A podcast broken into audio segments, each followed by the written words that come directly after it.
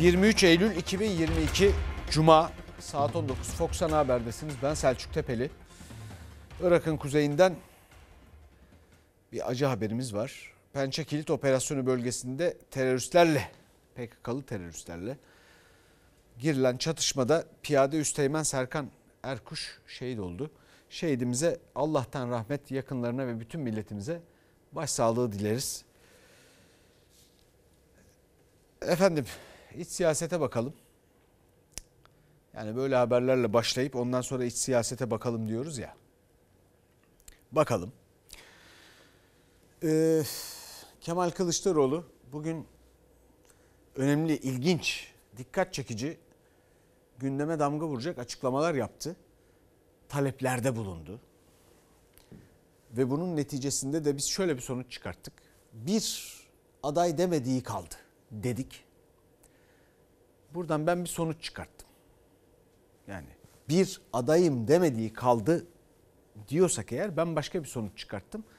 Haberden sonra ölmez sağ kalırsak söyleyeceğim efendim. Bu mücadelede hak düşmanlarını birlikte yeneceğiz. Ve özgürlük, doğruluk ve adalete susamış halkımıza kurtuluşu beraber getireceğiz. Bazılarınızın sesi çıkmıyor. Bazılarınızın da isteyerek veya istemeyerek zarar verdiğini de görüyorum. Ama şunu da artık bilmek zorundayım. Siz gerçekten benimle birlikte misiniz? Adil yarınlar, huzurlu bir gelecek için her zaman yanınızdayım. Her koşulda Sayın Genel Başkanımızın yanındayım. CHP liderinin partisine yönelik ve adaylık işareti olarak da yorumlanan dikkat çekici çıkışına ilk dakikada yanınızdayım diyerek destek veren iki isim. Muhalefetin olası Cumhurbaşkanı adayları arasında ismi geçen Mansur Yavaş ve Ekrem İmamoğlu'ydu. Hemen sonrasında Meral Akşener'in danışmanı İyi Parti Kurucular Kurulu üyesi Fatih Demirkol'un mesajı dikkat çekti. Son noktayı Sayın Meral Akşener koyar. Sürekli yürümeye ve ilerlemeye kararlıyım. Ve hiçbir şey beni inandığım yoldan geri çeviremez. Bu ülkeyi seven insanların, gerçek vatanseverlerin umutları ve duaları her yerde bizimle birlikte yürüyor. Buna inan. Şunu da artık bilmek zorundayım. Siz gerçekten benimle birlikte misiniz? Kılıçdaroğlu 26 Nisan 2022'de CHP grubunda ya bana katılın ya da önümden çekilin demişti. 5 ay sonra aynı çıkışı İzmir'den yaptı. Hatta isim vermeden mesaj da vererek. Bazılarınızın sesi çıkmıyor. Bazılarınızın da isteyerek veya istemeyerek zarar verdiğini de görüyor. Ama artık karar verin. Bu halk düşmanlarını beraber yenecek miyiz, yenmeyecek miyiz? Benimle olduğunuzu da artık hissetmek istiyorum. Sırtımı size yaslayacağımı bilmek istiyorum. Halk düşmanlarıyla mücadele etmek isteyenleri yanıma çağırıyorum. Ne çeteler, ne varlıkçılar, ne tefeciler, ne de borsa manipülatörleri hiçbiri yanımda olmasın. Hatta mümkünse hepsi karşımda olsun.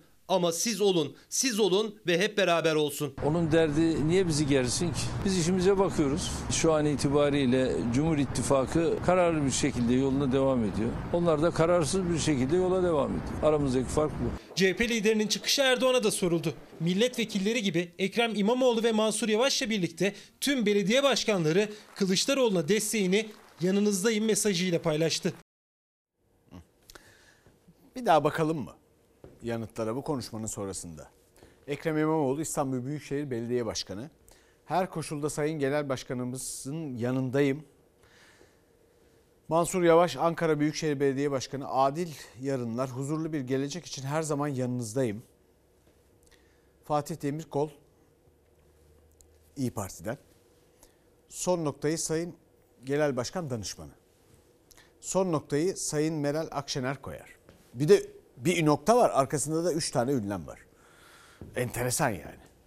Şimdi bu ünlemler, noktalama işaretleri filan sanıldığından fazlasını anlatıyor. Kendini tutamamış. Üç tane de ünlem koymuş.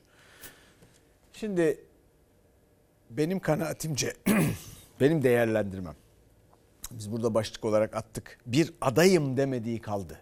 Kılıçdaroğlu'nun dedik ama bir ana muhalefet partisi lideri baş, liderinin ana muhalefet partisinin genel başkanının artık kaçıncı defa bir adayım demediği kaldıysa demek ki adam adayım demeyecek. Demek ki adayım demeyecek. Demek ki aday o değil. Benim kanaatim bu. Şahsi kanaatim, kurumsal bir şey değil. Bunu söyleyeyim size. Ben- Yani bilmem yani bununla ilgili birçok kişiyle de iddiaya girdim. Ee, göreceğiz bakalım. Göreceğiz bakalım. Fakat başka bir mesele var. Mesele bu değil. Yani bu çok önemli bir şey değil. Niye? Önünde sonunda ne ben bilirim ne benim haddim de değil zaten ya ben kimim yani. Ne de şu ya da bu partinin mensubu bilir. Ya bunu millet bilir. Adayın kim olduğunu millet bilir. Sadece kulak verilecek. Bu kadar zor bir mesele de değildir yani. Bu kadar uzaması da bilemiyorum yani. Millete bakacaksınız, kulak vereceksiniz ya. Gayet basit bir şey bu. Bunu anlamak zor mu bu kadar ya? Peki bunu soralım. Kime soralım? Engin Yılmaz'a gideceğiz. Fox Haber Ankara haber müdürü Engin Yılmaz bizimle ve o bize anlatacak. Yani diyecek ki bu kadar zor mu? Millet ne diyor? Bunu anlamak bu kadar zor mu? Yani hakikaten e, e, e, mesele altılı masanın içindeki bir mesele mi? Yoksa bir karar var, bir strateji mi uygulanıyor? Bakalım Engin bize anlatsın. Bir kere e, bir strateji uygulandığı kesin tabii. Şimdi sen de altını çizdin Selçuk Tepeli. Biz de önümüzdeki günlerde virgülleri, noktaları, ünlemleri, kurulacak cümleleri, satır aralarını çok konuşacak gibiyiz. Şimdi bir kere Kılıçdaroğlu'nun bugün kurduğu cümle e, çok önemli bir mesaj. Ama adaylık mesajı mı? Öyle yorumlandı özellikle CHP cephesinde. Öyle yorumlandı ya da işte İyi Parti'den gelen Fatih Demirkol'un e, mesajı son noktaya Akşener koyar. Belli ki orada da öyle bir algı oluşmuş. Ama bir kere net mesajı oldu olduğu belli ve öylesine kurulmuş cümleler olmadığı da belli. Şimdi bunu neden söylüyorum? Normalde Kılıçdaroğlu irticaen konuşma yapar. Yani kürsüye çıktığında sadece önünde notları olur. Rakamlar, başlıklar onlara bakar konuşmasını sürdürür. E, ama bugünkü konuşma öyle değildi. Tıpkı 26 Nisan 2022'de ya bana katılın ya da önümden çekilin dediği konuşma gibi. Engin, o günde metinden tek Engin. tek kelime Orada da mı yazılı bir metinden okumuştu? Aynen öyle. O konuşmasında da irticayen geldi geldi geldi konuşmasını yaptı. Tam o bölüme geldiğinde eline metni aldı. Ya benimle olun ya da e, önümden çekilin. Ya bana katılın ya önümden çekilin demişti. Bugün de aynısı oldu. E, Benimle misiniz bölümüne gelene kadar yine irticayen bir konuşma yaptı. Faizden bahsetti, ekonomiden bahsetti. Tam o bölüme geldiğinde eline metni aldı ve kelime kelime satır satır okudu. Yani önceden ölçülmüş, biçilmiş, planlanmış Kılıçdaroğlu belli ki metne bir gece önceden belki daha önceden metne dökmüş ve çok bilinçli kurulan cümleler. Tabii bu cümlelerin mesajı şimdi parti içine var ama bir yandan da sanki altılı masaya e, ya da sessiz kalanlar diyerek e, bazı isimlere mesaj verdiği yönünde tabii bir algı oluştu. Şimdi hani sessiz kalanlar var cümlesiyle e, Mansur Yavaş'a mı mesaj veriyor sorusu soruldu bir kere Selçuk Tepeli. Neden? Çünkü Mansur Yavaş bu konuların e, çok dışında kalmayı tercih eden birisi. Yani Cumhurbaşkanlığı adaylığı konusunda ismi geçiyor ama tartışmalardan uzak duruyor. Yani kameralar önünde uzak aslında ama kameralar arkasında kapalı kapılar ardında tabii ki bunları konuşuyor kurmaylarına ama şunu söylediğini çok açık biliyorum. Çok yakındaki isimlerden.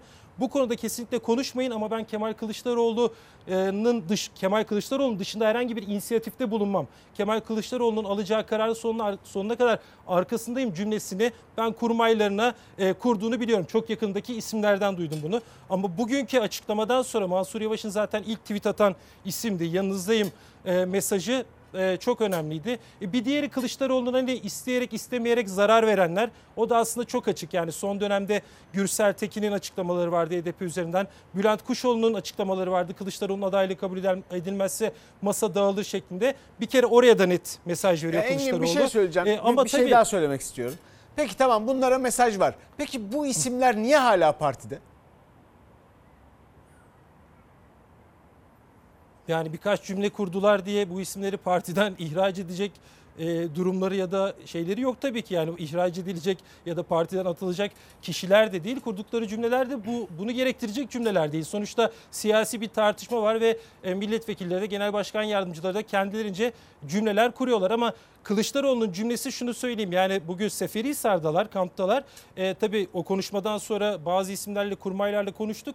Yani CHP cephesinde bir kere şu tartışma bitmiş. Hani Kılıçdaroğlu aday mıydı değil miydi dün akşama kadar. Şimdi herkes diyor ki Kemal Kılıçdaroğlu aday. Adaylığını açıkladı ya da açıklayacak. CHP'de böyle görünüyor ama e, ben hani buraya bir virgül koyma taraftarıyım. Siyasette 24 saat çok uzun bir süre. Önümüzdeki hafta biliyorsunuz 2 Ekim'de buluşma var. CHP'de öncesinde liderlerle bir araya gelecek. Yine altılı masanın karar vereceği yönünde cümlelerle bunun altı çizilecek.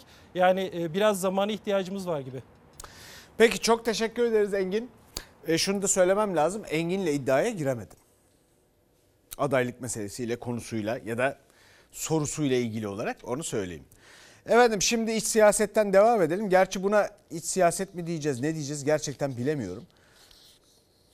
Ee, bir de bir, bir FETÖ tartışması var siyasette ve bunu yeniden gündeme getiren de kim? AK Parti Genel Başkan Yardımcısı Mehmet Özaseki. Son zamanlarda Ankara siyaset sahnelerinin efendim çok duyulan isimlerinden biri. Ankara siyaset sahnelerinin. Pek iyi şarkı söylediğini söyleyemem. Yani bana kalırsa saçmalıyor çoğunlukla. Ama neyse.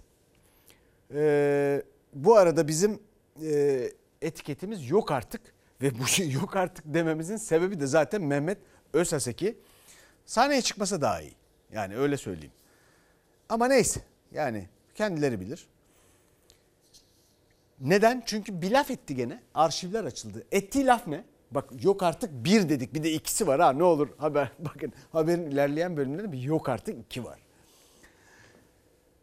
FETÖ bizim zamanımızda güçlenmiş gibi anlatıyorlar. Milleti kandırmaya devam ediyorlar. Mehmet Özaseki. FETÖ belası 50 yıldır var emin olun. Yeni çıkmış bir hadise değil. AK Parti ile beraber doğmuş da bizim zamanımıza güçlenmiş gibi anlatıyorlar. FETÖ'nün bizim zamanımızda büyüdüğünü söylemek yanlış olmaz diyen Erdoğan'dır. Bizim zamanımızda büyüdüğü şeyini ben reddetmem. Doğrudur. Ösaseki sen şimdi Cumhurbaşkanına yalancı mı diyorsun? Bir yanda Cumhurbaşkanı Erdoğan'ın Gülen cemaati için kurduğu bizim zamanımızda büyüdüğünü reddetmem sözleri, diğer yanda AK Parti Genel Başkan Yardımcısı Mehmet Özaseki'nin FETÖ bizim zamanımızda güçlenmiş gibi anlatılıyor, milleti kandırıyorlar ifadesi. Bizim zamanımıza güçlenmiş gibi anlatıyorlar. Milleti kandırmaya devam ediyorlar. Biz Erdoğan'a yalancı desek tazminat davası açarız. FETÖ AK Parti hükümetleri zamanında güçlendi. Devlete sızmaya başladı. Hatta devleti ele geçirdi. FETÖ'yü AK Parti hükümetleri meşrulaştırdı. Fethullah Gülen bu ülkenin yetiştirdiği değerli bir kıymettir. Muhalefet FETÖ'nün AK Parti döneminde güçlendiğini, yargıyı, emniyeti, askeriyeyi, bürokrasiyi ele geçirdiğini ve darbe kalkışmasını yaptığını söylerken iktidar 17-25 Aralık'ı milat alırken FETÖ tartışması Özaseki'nin sözleriyle yeniden gündemde. 50 yıldır süren bir bela silsilesi var. Ama çok şükür bütün bunların hakkından da bizler geldik. Bunun için Allah bizi affetsin. İhanet içindeymişler. Biz bunu bilmiyorduk diyen de Erdoğan'dır. Meğerse bunlar büyük bir ihanet şebekesiymiş. Aldatıldık. Ösaseki Sayın Cumhurbaşkanı ne istediler de vermedik dedi. Okullar için yer istedi verdik. Devlet başkanlarına bunları biz refere ettik. Olimpiyat dediler her türlü desteği verdik. Ne nankörlük bu ya. Ne istediğiniz de alamadınız. Cumhurbaşkanı Erdoğan 2018 yılında katıldığı bir televizyon programında 15 Temmuz darbe girişimi öncesi Fethullah Gülen yapılanmasıyla mücadele edilmedi eleştirilerine yanıt verirken de FETÖ'nün AK Parti iktidarı döneminde büyüdüğünü açık açık ifade etmişti. Kurmayı Ösaseki ise o cümlelerle ters düştü. AK Parti ile beraber doğmuş da bizim zamanımıza güçlenmiş gibi anlatıyorlar. Milleti kandırmaya devam ediyorlar. Öyle değil. Bizim zamanımızda büyüdüğü şeyini ben reddetmem. Doğrudur. Özsaseki şöyle geriye dönük AK Parti tarihine biraz baktığında FETÖ'yü Türkiye'nin başına Tayyip Erdoğan'ın musallat ettiğini, bela ettiğini çok iyi görecektir. Ösaseki'nin gündeme oturan açıklaması FETÖ tartışmasını bir kez daha alevlendirdi. Vallahi bilmiyorum ki yani Cumhurbaşkanı Erdoğan bir şey mi söylese? Yani anladığım kadarıyla ÖSAS'eki genel başkan yardımcıları filan Cumhurbaşkanını ve AK Parti Genel Başkanını pek dinlemiyorlar yani. Öyle anlaşılıyor. Peki ekonomiye geçelim. Daha üstüne ne söyleyeceğiz aralarında? Ekonomiye geçelim. Merkez Bankası biliyorsunuz politika faizini %12'ye indirdi. İndirdi de ne oldu diyeceksiniz. Kamu bankaları dahil, kamu bankaları dahil diyorum tekrar altını çizerek. Tüketicinin kullandığı ihtiyaç kredisi, efendim taşıt, konut kredisi filan. Bunların hiçbirinde bu faizi uygulamıyor. Merkez Bankası bir şey açıklıyor, kimsenin baktığı taktığı yok. Yani ne diyeyim bilemiyorum ya. Hakikaten ekonomiyle ilgili yani yok artık demekten başka bir şey bulamıyorum. Yani ne diyeyim? Çünkü bu faizler neredeyse bu açıklananın 3 katı. Peki biz de soruyoruz. Faizi düşürüyorsun da kime düşürüyorsun? Bankaya düşük, vatandaşa yüksek faiz. Bu nasıl oluyor? Ne kadar kredi çektiniz? 20 bin lira ihtiyaç kredisi çektim. Ee, %28'den çektim. Ee, Mecburen nakit ihtiyacını gidermek için buna katlanmak zorundayız. Hiçbiri indirmedi. Zaten daha fazlasıyla alıyorlar. 13 bin lira çektim. Ödeyeceğim para 24 bin lira falan civarında 3 yılda. %35'i geçiyor yani. Merkez Bankası politika faizini %13'ten %12'ye indirdi ama vatandaş %12 ile borçlanamıyor. Faiz %20 ile 30 arasında. Merkez Bankası'nın bankalara uyguladığı faiz düşünce bankaların vatandaşa uyguladığı faiz de düşer mi diye şubelere giden bile oldu ama umduğunu bulamadı. Korkunç. Ana para 400 lira ödüyorum. 300 küsür lira faiz ödüyorum. Ya yapılandırmaya şimdi sabah gittim. Ya, aba- acaba bir yapılandırma olur mu? Öyle bir şey yok. Merkez Bankası'nın bankalara verdikleri paraların faizini 13'ten 12'ye indirdi. Allah aşkına gidin herhangi bir bankaya. Deyin ki kredi çekmek istiyorum. Bakın bakalım size %12 faizle veriyorlar mı? Vermeyecekler. Bir 10 bin lira kredi çekecektim ama olmadı. İhtiyaç kredisi ama krediler bayağı bir yüksek. Bir yılla ortalama 10 bin liraya 2-3 bin liraya yakın bir faiz ödeniyor. Merkez Bankası'nın faizi %12 ama maalesef o bize yansımıyor. Merkez Bankası'nın indirdiği faiz politika faizi. Yani bankalara uyguladığı faiz. Bankalar Merkez Bankası'ndan %12 ile para alıyor, vatandaşa, esnafa, sanayiciye daha yüksek oranlarla o parayı satıyor. Bir kamu bankasından bugün 12 aylık vadeyle 100 bin lira kredi çekmek isteyen bir kişi ihtiyaç kredisi için yıllık %30,35, taşıt kredisi için yıllık %26,72, konut kredisi için de yıllık %23,46 faiz ödemek zorunda. Yani Merkez Bankası faizinin neredeyse 3 katı. Faizler gerçekten çok fazla.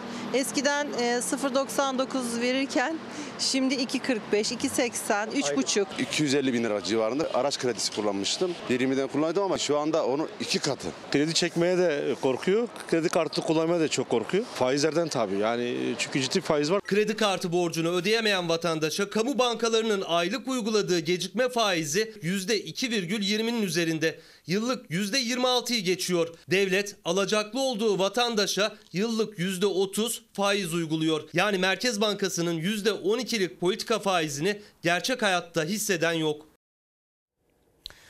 Şimdi bunlar o kadar acayip uygulamalar ki. İşte diyorum ya hep Instagram hesabı, TikTok hesabı, Twitter hesabı yönetir gibi memleket yönetmek. Bir fotoğraf veriyorsun, bir şey söylüyorsun. Faizi indirdim, şu oldu, bu oldu. Kimin faizi indi, kimsenin faizi inmedi. Tam tersine ülkenin genel olarak borçlama faizi arttı. İnsanların hayatta yaşarken kullanmak zorunda olan faizlerin maliyeti arttı.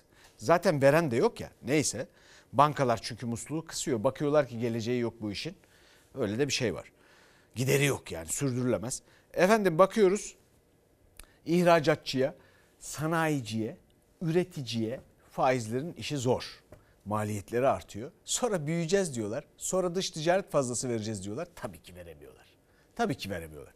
Fakat bu memleket insanı çok şey öğreniyor. Niye? Şimdi bu eski Yunan filozoflarından biliyorsunuz Sokrat ya da Sokrates.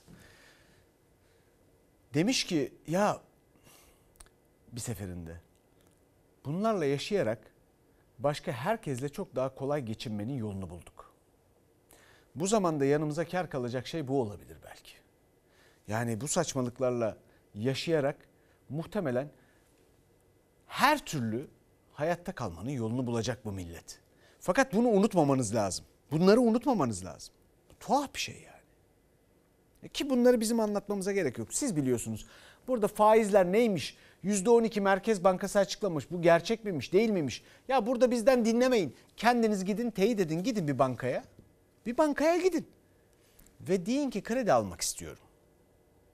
Size ne cevap vereceklerse ona göre eğer yanılıyorsak bize yazın. Ya da yazmanıza da gerek yok. Yani bir bakın bakalım. Biz ne anlatalım yani? Bu arada da tabii memlekette şöyle acayip acayip şeyler var. Efendim bu ülkenin bakanları var. Gerçi var mı yok mu bilmiyoruz ama bir şeye bakıyorlar mı bakmıyorlar mı? Bir hazine ve maliye bakanı var.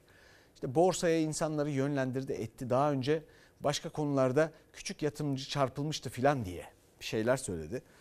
Bir bakan nasıl böyle konuşur bilmiyorum. Yok artık dedik o zaman da ama. Şimdi borsadaki manipülasyon iddiaları karşısında herkes sessiz. Konuşması hatta soruşturma başlatması gereken sermaye piyasası kurulu sessiz. Onun hakkında da iddialar var. Soruşturma açılması için suç duyurularında bulunuluyor. Biliyorsunuz bu işte bu SPK ile ilgili efendim işte borsaya borsadaki halka arzlarla ilgili işte neydi arkadaşlar şu son e, rüşvet iddiaları? SPK ve rü- rüşvet evet. Ha, bunların artık suç duyurularını bile kabul etmiyor filan şeyler. Hastayız diye savcılar sağa sola gidiyor filan. 25 gün oldu hiçbir şey çıktığı yok. Bu işin içinde medya var bilmem bir sürü şey var. Neyse iki tane de danışman istifa etti biliyorsunuz. İstifa da etmemişlerdi ya. Danış, bunlar görevden alındı Beştepe tarafından, Cumhurbaşkanı tarafından. Niye görevden alındılar madem başarılılar? Ama hiçbir ses yok. Son bir ayda üç kez vatandaşı yatırıma çağırdı borsaya. Kim? Hazine ve Maliye Bakanı Nurettin Nebati. Şimdi sert bir düşüş yaşandı. Ses yok, seda yok. Muhalefet konuşuyor. Cumhuriyet Halk Partisi Genel Başkanı Kemal Kılıçdaroğlu küçük yatırımcının parası çalındı. Hepsini burnunuzdan fitil fitil getireceğim demiş. Ama şu an hala bilmiyoruz. Küçük yatırımcıyı kim çarptı? Hepsini bir kez daha uyarıyorum. Bu çaldığınız küçük yatırımcının paralarıdır. Açıkça söylüyorum bu paraları burnunuzdan fitil fitil getireceğim. Yazın bir yere. Borsa İstanbul'da hisselerin hızlı yükselişinin ardından sert düşüş, spekülasyon, manipülasyon tartışmaları arasında CHP lideri Kılıçdaroğlu'ndan sermaye piyasası kuruluna çok sert bir uyarı geldi. Yolsuzluk yapanları, küçük tasarrufçuları soyanlara asla ve asla izin vermemeli. Manipülatör gruplarını temizlemek zorundadır sermaye piyasası kurulu. Şu anda en çok getiri getiren yer Borsa İstanbul. Vatandaşlarımızın nereye kanalize olacakları artık çok açık. Borsadaki yükseliş sürerken bir ay içinde 3 kez yatırımcıları Borsa İstanbul'a yatırıma davet eden, artış sürecek diyen Hazine ve Maliye Bakanı Nurettin Nebati sert düşüş sonrası sessizliğe gömüldü. Hazine Maliye Bakanı'nın bütün işini gücünü bırakıp vatandaşın tasarrufların nereye yöneleceğini söylemesi aslında burada çok büyük bir şüphe uyandırıyor. Türkiye tarihinin en büyük borsa manipülasyonlarına şahit oluyoruz. Küçük yatırımcı soyuldu soyuluyor. Piyasada yatırımcının buharlaşan parası dün itibariyle 5,5 milyar dolardı. Aklı başındaki bir finansör Türkiye'de bu işlerin bir şekilde döneceğini bilir. Ama çarpılan kim oldu? Küçük yatırımcılar. Küçük yatırımcıyı soyanları isim isim biliyorum. Sadece ben değil. Bu işin namuslu uzmanları da isim isim, firma firma bütün bunları biliyor. Sert yükselişlerde de müdahil olunması gerekiyor. Eski Borsa İstanbul Başkanı Hakan Atilla da hisselerdeki normal olmayan yükseliş sürerken SPK devreye girmeliydi demişti. Ancak sermaye piyasası kurulu ne o yükselişte devreye girdi ne de sert düşüş sonrası. Manipülasyon iddiaları karşısında da bir inceleme, soruşturma adımı yok. SPK yetkilisi Bloomberg'e sistematik risk yok diyor. Maalesef yalan söylüyor. Sermaye piyasası kurulu aklını başına alsın ve görevini yapsın. Tekrar ediyorum son kez sermaye piyasası kurulunu uyarıyorum. Bu borsayı denetlemesi gereken sermaye piyasası kurulu. Sermaye piyasası kurulunu denetlemesi gereken de devlet denetleme kurulu. Elhak Devlet Denetleme Kurulu Başkanı Borsa Yönetim Kurulu üyesi. O isim Yunus Arıncı. Sadece o değil. Borsa İstanbul yönetiminde Cumhurbaşkanlığından 4 isim var. Erişah Arıcan, Cumhurbaşkanlığı Ekonomi Politikaları Kurulu üyesi. Yunus Arıncı, Cumhurbaşkanına bağlı Devlet Denetleme Kurulu'nun başkanı. Metin Kıratlı, Cumhurbaşkanlığı İdari İşler Başkanı. Fahrettin Altun, hiçbir yerden eksik değil maşallah. Cumhurbaşkanlığı İletişim Başkanı. Nasıl olacak şimdi? Ve borsada binlerce insan silkelenmiş. Muhalefet borsadaki manipülasyon iddialarının soruşturulmasını isterken isim de vererek iktidarı suçluyor. Borsaya yatırım çağrısı yapan Nurettin Nebati'nin sessizliğine dikkat çekiyor. Nurettin Nebati'yi yürürken gördük. Pek uyur, uy- uyanıkken görmüyoruz biliyorsunuz. Ama şimdi bir şey söylemeyeceğim. Kim söyleyecek? Türk İş Başkanı Ergün Atalay söyleyecek. Öyle bir söyleyecek ki bazı ajanslar gün içinde silmişler bunu. Ama çok güzel söylemiş Ergün Atalay. Üstüne katacak bir şey yoktur. Hazine Bakanı'na anlatıyoruz anlatıyoruz. Ya duymuyor ya görmüyor. Uyuyanı uyandırırsın ama uyuma numarası yapanı uyandıramazsın çünkü numara yapıyordur.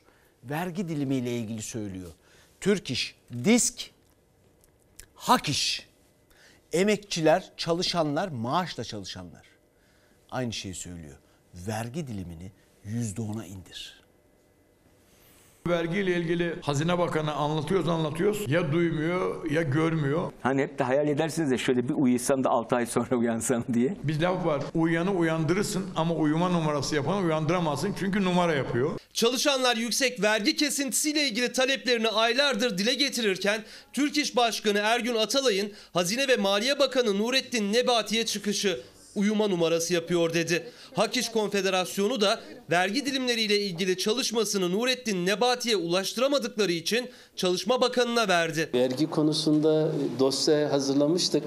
Tabii e, Sayın Maliye Bakanımızdan öncelikli olarak bir randevu talebiyle raporu e, arz edecektik. Sayın Bakan'a bir dosya halinde takdim etmek istiyorum. Maliye ve Ekonomi Bakanımızla e, görüşmelerimiz var. Bu konuda önemli bir konudur. 10 bin lira ücret alan bir arkadaş Ocak ayında 630 lira vergi kesintisi olurken Eylül ayına Ekim ayına geldiğin zaman 1900 lira kesinti oluyor. Yani bu sürdürebilir bir şey değil. Kriz dönemleri bitene kadar gelir vergisi oranlarında vergi dilimlerinin sabitlenmesi diye bir çalışmamız da var. Vergi dilimi %15 ile başlıyor. Çalışanın maaşına göre %40'a kadar çıkıyor. Hak İş ve Disk alım gücünün düştüğü bu ekonomik tabloda çalışanların vergi dilimi %10 ile sabitlensin demişti. Türk İş Başkanı Ergün Atalay da oran vermeden düzenleme istedi. Bize Ocak ayında verdiğinizi Aralık ayında verin. Zammam da vermeyin. Toplu sözleşmeyle elde ettikleri düşük ücretlerini yukarıya çekmek için verdikleri mücadeleyi anlamsız hale getiren e, bu vergideki oynaklığın düzenlenmesi gerekir. Bu haklı bir taleptir. Hazine Bakanı anlatıyoruz anlatıyoruz. Ya duymuyor ya görmüyor. Bir laf var. Uyanı uyandırırsın ama uyuma numarası yapanı uyandıramazsın çünkü numara yapıyor. Bakan Bey'le görüştüm bu konuda da olumlu bir yaklaşım içinde olduğumuzu belirtmek isterim. Toplu sözleşmede elde edilen ücretin yıl sonunda geçerliliğini koruyacak bir seviyede bir verginin dikkate alınması, kriz e, döneminde bunun sabitlenmesi. Konfederasyonların çağrısına bugüne kadar yanıt vermeyen Hazine Bakanı'nın vergi dilimleri düzenlemesi konusunda olumlu baktığını Çalışma Bakanı Vedat Bilgin açıkladı. Kriz dönemi vurgusu da dikkat çekti. Şimdi Ergün Atalay'ın haklı uyarısı ve mükemmel tarifi üstüne. Bakalım bir dinleyelim Allah aşkına. Uyuyan şöyle bir göz- uyusan da 6 ay sonra uyansam diye. Çok farklı siz. noktalara gideceğiz. Bu kadar mı? Ha diğer ikisi zaten uyuyor. Peki. Bize bize bize düşen nedir? Bakana söyleyecek başka bir şey yok. Hadi kalk yerine yat ya. Yani Ergün Atalay'a kulak ver hiç olmazsa.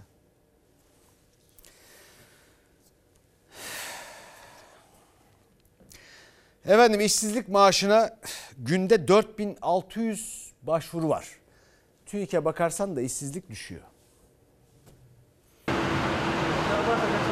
Ne zaman işsiz kaldınız? Ağustos'un sonundan itibaren. Yaş kaç? Yaşım çok benim 74. İşsiz misiniz? Evet emekliyim ama işsizim. Hangisi daha zor? Emeklilik mi, işsizlik mi? İşsizlik zor. Üniversite mezunuyum. Dört lisan konuşuyorum. Ana lisanım gibi Almanca, İngilizce, İtalyanca, Felemenkçe konuşuyorum. Ve buna rağmen iş bulamıyorum. Kimse 48 yaşında bir kişiyi istihdam etmiyor. Ben de EYT mağduruyum maalesef. İş arayan 74 yaşındaki emekli de 4 dil bildiği halde iş bulamayan da İşkur'un kapısına dayandı çaresizce. İşsizlere yenileri ekleniyor her gün. İşkur verileri işsizliğin boyutunu gözler önüne serdi. Bir ayda 140 bin kişi işsizlik ödeneğine başvurdu. Yani günde 4600 kişi. 8 ayda işsiz kalıp işsizlik ödeneğine başvuranların sayısı 1 milyon 105 bin kişiyi aştı. Nasıl gidiyor işsizlik? Kötü. Parasızlık kötü. İki tane çocuk okula gidiyor. Pazarı, marketi müze gezer gibi geziyoruz. Fiyatlara bakıp geri. Önceden e, kantin parası verebiliyorduk. Şimdi bir e, tost 20 lira. İki tane çocuğum var 40 lira. Birer de meyve suyu alsalar ben günde 50 lira veremem ki çocuklara. Ne yapıyorsunuz? Vermiyorum. Ocak-Temmuz arasında 965 bin kişiydi işsizlik maaşına başvuranların sayısı. 8 aylık dönemde toplam sayısı 1 milyon 105 bin kişiye çıktı. Yani İşkur'a göre işsiz sayısı arttı. Oysa TÜİK'e göre işsizlik yavaşlamıştı. İşsizlik rakamlarına bakınca azalıyor. İşsizlik maaşına başvuranların sayısına bakınca artıyor. Yeni işsiz kalanlar işsizlik maaşıyla nasıl geçinirim kaygısı taşıyor. Uzun süredir işsiz olanlarsa geçim kıskacında. Yıllarca havacılık alanında çalıştım. EYT mağduruyum. Mükemmel lisan bilginiz var hanımefendi ama yaşınızdan dolayı almıyoruz diyorlar. Ben yürüyerek geldim. Yarım saattir yürüyorum. Sırf minibüse para vermeyeyim diye. Daha önceden bir birikimim vardı. Ondan biraz onları erittik. Kartlar son haddinde. İş bulma umudunuz var mı? Yok. Garsonluk ve bulaşıkçılık dahi yaptım. İşsizler iş de bulamıyor, var olan umutları da gitgide yok oluyor. Emekliyim ama eme- almış olduğum para yetmiyor. Evim kira. Ne iş arıyorsunuz 74 yaşında? Bekçilik, bekçilik arıyorum ya. Borcunuz var mı? Borç olmaz mı? Emekli olup da borcu olmayan var mı? Sorar. Bu yaşta ne borcunuz var? Almış olduğun para yetmediği için mecburen e, borca girmek zorundasın. Aşağı yukarı 3 bin lira falan. Ödenmeyecek bir para değil ama işte iş olmayınca olmuyor. Efendim faizi kime düşürüyorlar? Bakın buyurun çalışanın durumuna. Kur korumalı mevduata bakın. Ona verilen paralara bakın. Bu ülkenin bu ülkenin insanı değil hepsi. 2 milyon insanı eğlendirmek, onlara para kazandırmak 2 milyon kalantor için bu memlekette herkes çalışıyor. Ülkenin parasının %75'i kur korumalı mevduatla beraber dolar zehirlenmesi yaşıyor. Dolar zehirlenmesi. Bu nasıl milliyetçilik ya? Dolar olmuş ülkenin parasının %75'i. Kur korumalı mevduatla beraber. Peki bir de TOKİ'ye bakalım. Efendim bir proje açıklandı Cumhuriyet tarihinin en büyük konut projesi diye, sosyal konut projesi diye söylendi. Fakat TOKİ önce şuna bir cevap verse iyi olur. Bizim kıymetli izleyicilerimiz, bu ülkenin kıymetli insanları var. Özetle şimdi haberde izleyeceksiniz şunu soruyorlar. Parasını ödedim, evim yok. TOKİ'den almış. TOKİ nerede? Çok fazla hayal kurmuştuk çünkü en fazla 3 yıl içerisinde teslim edileceği söylenmişti. Biz ona göre çok fazla hayal kurduk. İlk başvuru yaptığımızda eşim e, gebeydi. Çocuğun nasibine diye e, başvuru yaptık. Şimdi çocuğum iki buçuk yaşında ve eşim yine gebe.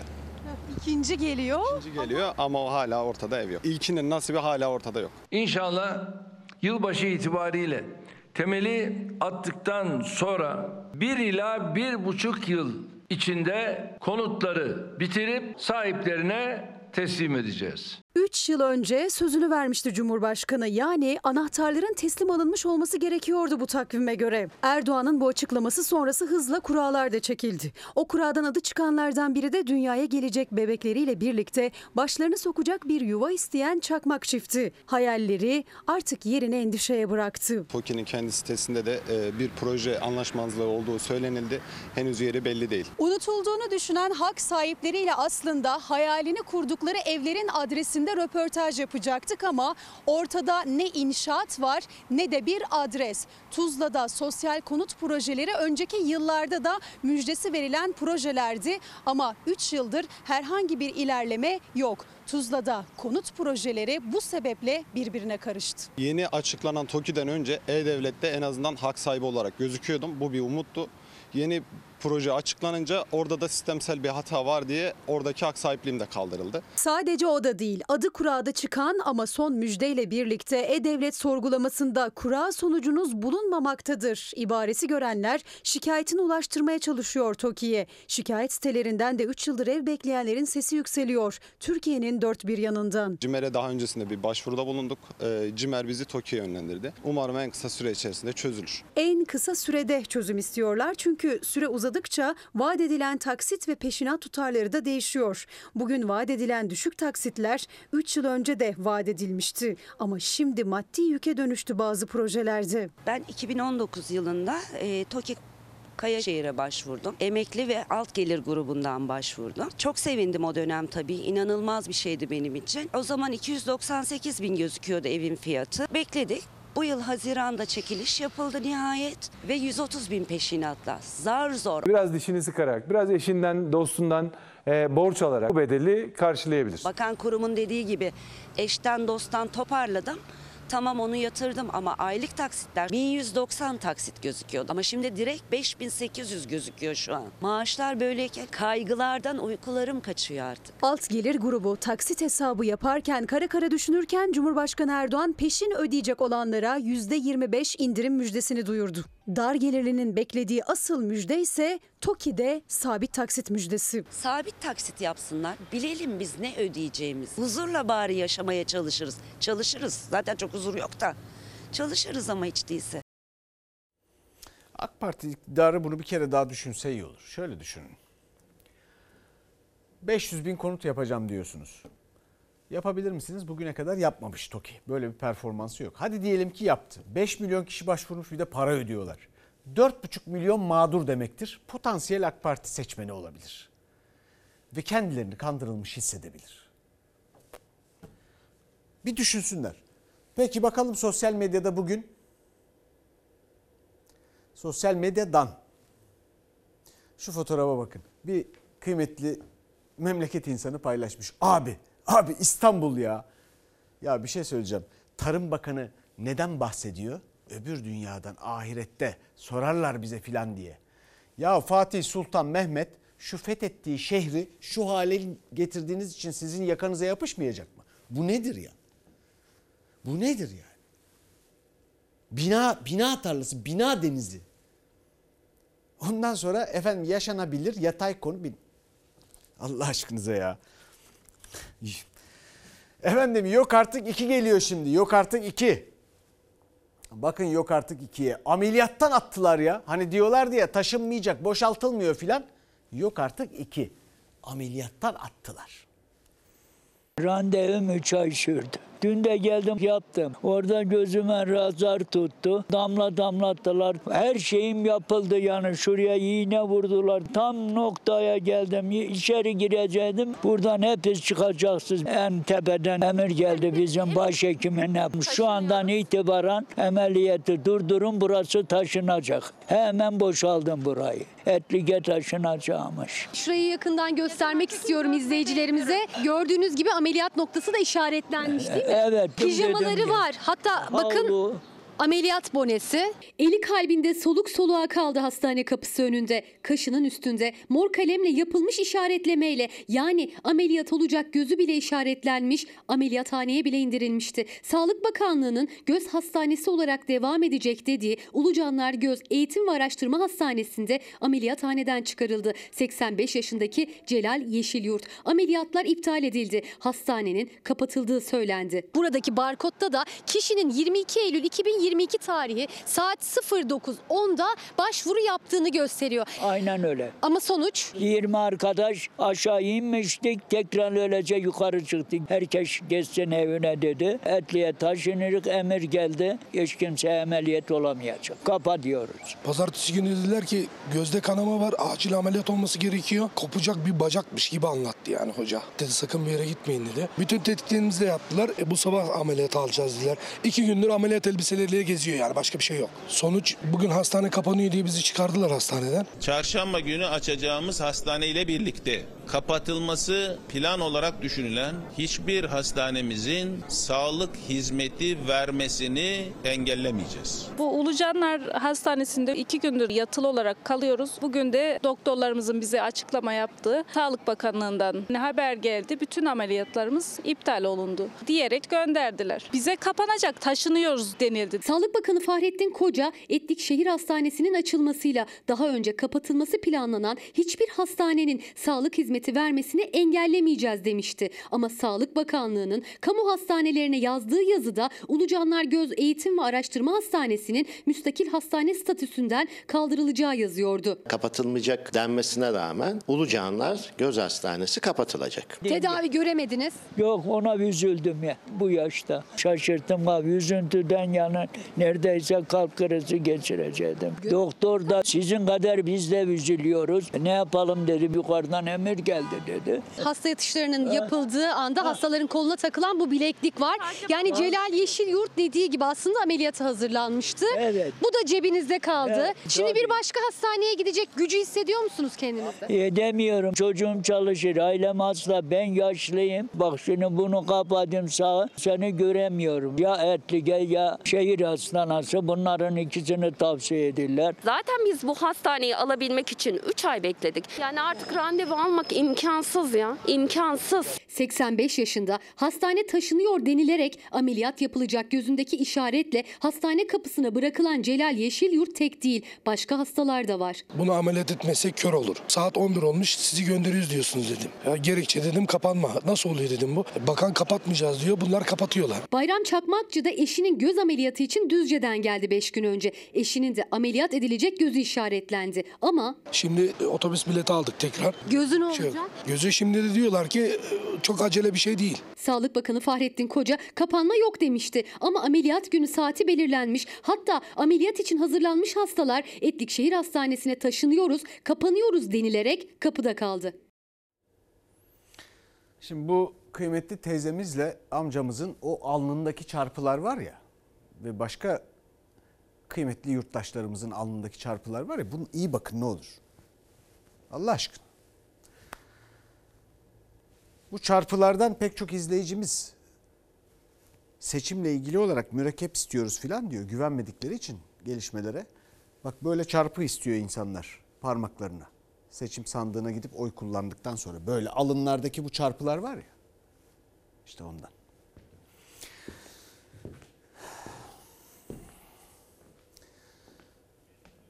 Bu arada da tavuğa yine zam geldi efendim.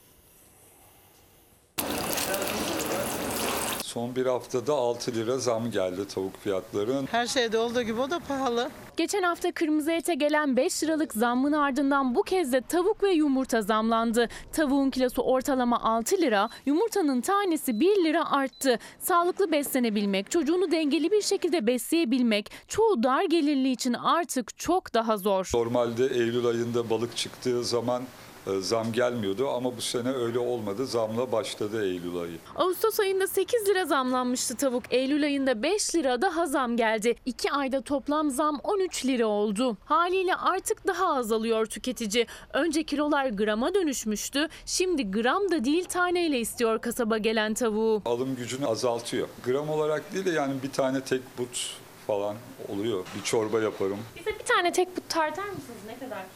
Küçük de but yani o böyle büyük iri bir but değil. Bakalım ne kadar tutacak. 18 lira 25 kuruş. Tavuğa gelen son 5 liralık zamla birlikte. Geçen hafta bütün tavuğun kilosu 40 liraydı. Bu hafta 45 lira oldu. Kanadın kilosu 55 liraydı. 60 liraya yükseldi. Göğsün kilosu da 70 liraydı. 75 lira oldu. Tüketici de sorunun farkında. Fiyatı arttıranın üretici olmadığını yakından takip ediyor. Yumurta üretici sayısında düşüş var. Maliyetlerde artış var. O artış tüketiciye gelene kadar katlanıyor. Kırmızı et zaten alamıyordu tüketici. Artık beyaz ette de zorlanıyor. Sabahları çocukların kahvaltısındaki en önemli protein kaynağı yumurtada da. İki tane çocuğum var. Önceden biraz daha iyiydi. Her gün yumurtasını etini yiyor mu? Yani her gün tabii ki değil. Yumurtasını yiyor, arada yiyor ama et tabii ki. Yani çok ciddi arttığı için tedarik edemiyoruz. Okulların açılmasıyla yaz sezonunun sona ermesiyle yumurta fiyatları da zamlandı. 30'lu böyle koliler marketlerde 30-40 lira arasındaydı. Şu anda 67 liraya çıktı. Yumurtanın cinsine göre fiyatı da artıyor elbette. Bu en ucuz olanı. Marketlerde organik 15'li yumurtaların kutusu 50 lira. Haliyle sofralar dolmuyor artık. Anne Hatice Geliş de masaya bir çeşit fazla koyabilmek için en ucuzun yolunu tutuyor. Az önce halk ekmekten en azından 2 lira faydası olur cebimize diye. O halk ekmekten aldık ekmeğimiz en azından bugünlüğü. Çocuğunuz var. Her sabah yumurta yapabiliyor musunuz? Yok. Yok. Evdeki olan yemeğe göre de değişiyor. Şimdi bu akşam orta sayfa akşamı ben de haber bülteni bitsin. Ununu elemiş bu hafta için hiç olmazsa eleğini asmış bir insan olarak gideyim orta sayfa ekibini darlayayım rahat rahat diye sabırsızlıkla bekliyorum. Bakalım bu akşam orta sayfada 23.30'da başlayacak neler var? ekonomi konusunda ne yapacak CHP diye sorulduğu zaman orada Kemal Bey Ali Babacan çalışıyor bunun üzerine. Hatta Murat İfadesini Yetkin de kullan. onu ilk duyurmuştu. Evet. Beklentiler farklı, hesaplar farklı ama hiçbir zaman doğrudan konuşmuyorlar. AK Parti'nin seçim stratejileri, taktikleri şu an belirlenmeye başladı orta Çerçeve- şey sayfada. çerçeve burada. belirleniyor. CHP lideri Kemal Kılıçdaroğlu'ndan sürpriz çıkış geldi. Partisine seslenen Kılıçdaroğlu, benimle misiniz değil misiniz diye sordu. Mansur Yavaş ve Ekrem İmamoğlu her koşulda yanınızdayız dedi Kılıçdaroğlu'na. Orta sayfa adaylık tartışmalarıyla aralanıyor. E, Altılı masa e, dinamiklerinin aslında çok kırılgan olduğunu da gösteriyor bir yandan. Bu HDP meselesi Türkiye siyaseti açısından e, siyaseti ortadan kesen bir mesele. Yüksek Seçim Kurulu'na kesin aday listeleri verilene kadar meclis açık tutulacak. Merkez Bankası politika faizini %13'ten %12'ye indirdi. Faiz kararının ardından dolar yükselişe geçti. Merkez Bankası'nın faiz indirimi bir kez daha iktidarın ekonomi tezlerinde tartışmaya açtı. Tartışılan bir başka konu borsadaki manipülasyon iddiaları. Sermaye Piyasası Kurulu sessiz. Son bir ayda 3 kez vatandaşı borsaya yatırıma çağıran Hazine ve Maliye Bakanı Nurettin Nebati de en sıcak ekonomi başlıkları da orta sayfada. 75.6 milyar lirada AKP iktidarının tercihlerini zenginden yana kullandığının net bir göstergesidir. Yani Cumhur İttifakı af çıkarmaya mı hazırlanıyor? MHP lideri Devlet Bahçeli'nin hukuk kurmayı Fethi Yıldız, Adalet Bakanı Bekir Bozdağ ile görüştü. İktidarın af hazırlığına muhalefet nasıl bakıyor? Seçimden sonra be- bence çok acayip şeyler olacak. İhtisas hastaneleri şehir hastaneleri için mi kurban ediliyor? Ankara Onkoloji Hastanesi'nin kapatılacağı iddiasıyla başlayan ihtisas hastaneleri tartışması büyüyor. Yani şu anda birçok ihale iptal ediliyor. Ee, Birçok e, kamu yatırımı tasfiye ediliyor. İran'da 22 yaşındaki Mahsa Amini'nin gözaltına alınmasının ardından hayatını kaybetmesi üzerine başlayan protestolar artarak devam ediyor. İran'da sular durulacak mı? Yoksa tansiyon giderek artacak mı? En sıcak başlıklar her cuma olduğu gibi bu gece de orta sayfada. Ee, Birbirinden özel kulislerimiz, birbirinden özel bilgilerle dop doluyuz. Birazdan buluşacağız. Efendim Arter'i biliyorsunuz. Bilmiyorsanız muhakkak öğrenmelisiniz, gitmelisiniz. Arter Dolapdere'de İstanbul'da bir canlı kültür merkezi. Başında Melih Fereli var. Arter'in de hastasıyız, Melih Fereli'nin de hastasıyız. Şimdi bugün bir kitap geçti elime. Ahmet Doğu'nun Başımızda Siyahtan Bir Hale sergisi başladı. Olağanüstü satırlar.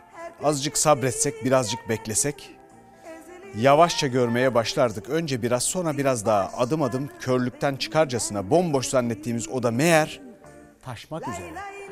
Bu sergiyi kaçırmayın. Bir de Bill Fontana sergisi var. İO'nun sesleri İstanbul'un seslerini çekmiş Paris'ten sonra. Bir de gece çekseymiş silah seslerini, İstanbul'un bu ülkenin meselelerinin tamamını tarif eden seslerini. Kaçırmayın bu sergileri. Bizden sonra İyilik dizisi var yeni bölümüyle. Orta sayfa 23.30'da ve Gülbin Tosun'a hafta sonu kolaylıklar dileriz. Gelecek hafta başında inşallah görüşmek üzere. Lay lay lay lay lay lay lay lay lay lay lay